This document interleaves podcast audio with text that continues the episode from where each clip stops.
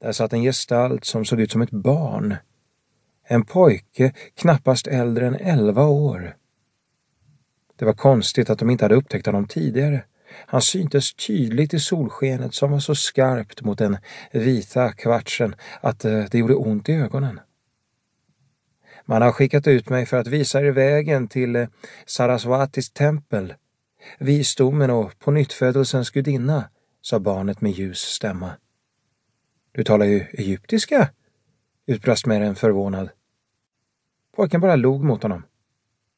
Han såg ut som en okynnig liten apa med sitt bruna ansikte men hans leende var så intagande att Meren inte kunde låta bli att le tillbaka. Jag heter eh, Ganga och jag är budbäraren. Kom, det är en bit kvar att gå.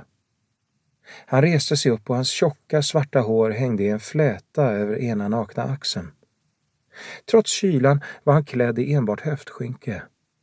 Huden på bröstet var brun och slät, men på ryggen hade han något som liknade en kamels puckel, grotesk och iögonfallande.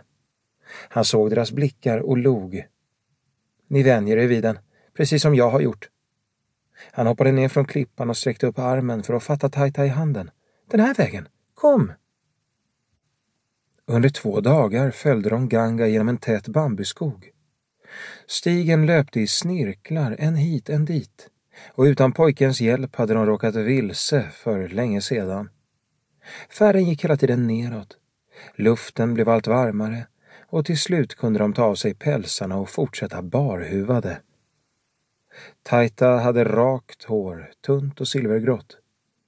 Merens kalufs var tjock och svartlockig Andra dagen nådde de fram till slutet av bambuskogen och kom istället in i en tät djungel där trädkronorna möttes över deras huvuden och utestängde ljuset och solskenet. Luften var varm och mättad med doften av fuktig jord och multnande växter. Fåglar med brokiga fjäderdräkter svischade över deras huvuden.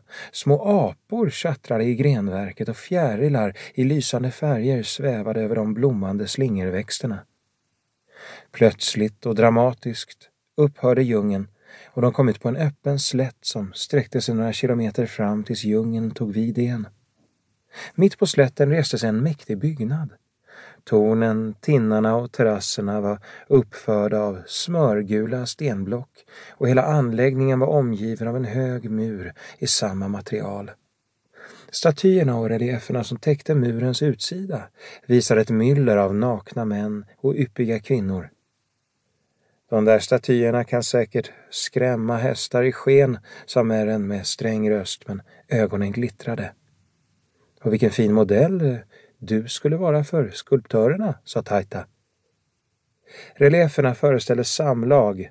Varenda tänkbar ställning hade huggits ut ur den gula stenen.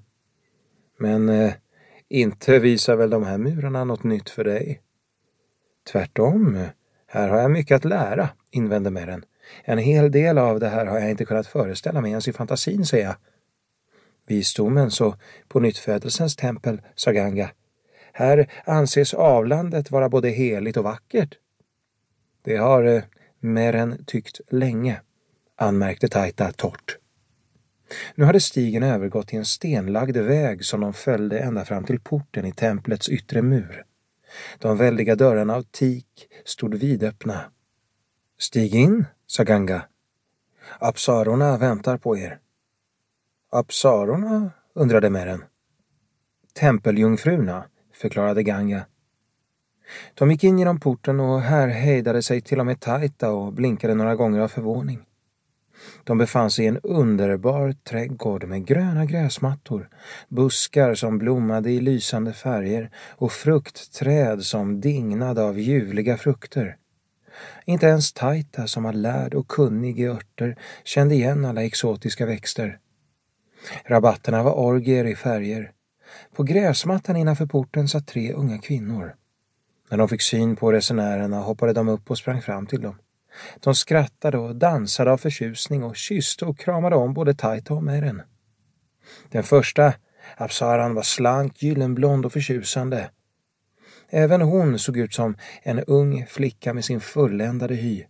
Välkomna! Jag heter Astrata, sa hon. Den andra, Apsaran, var mörkhårig och hade sneda ögon.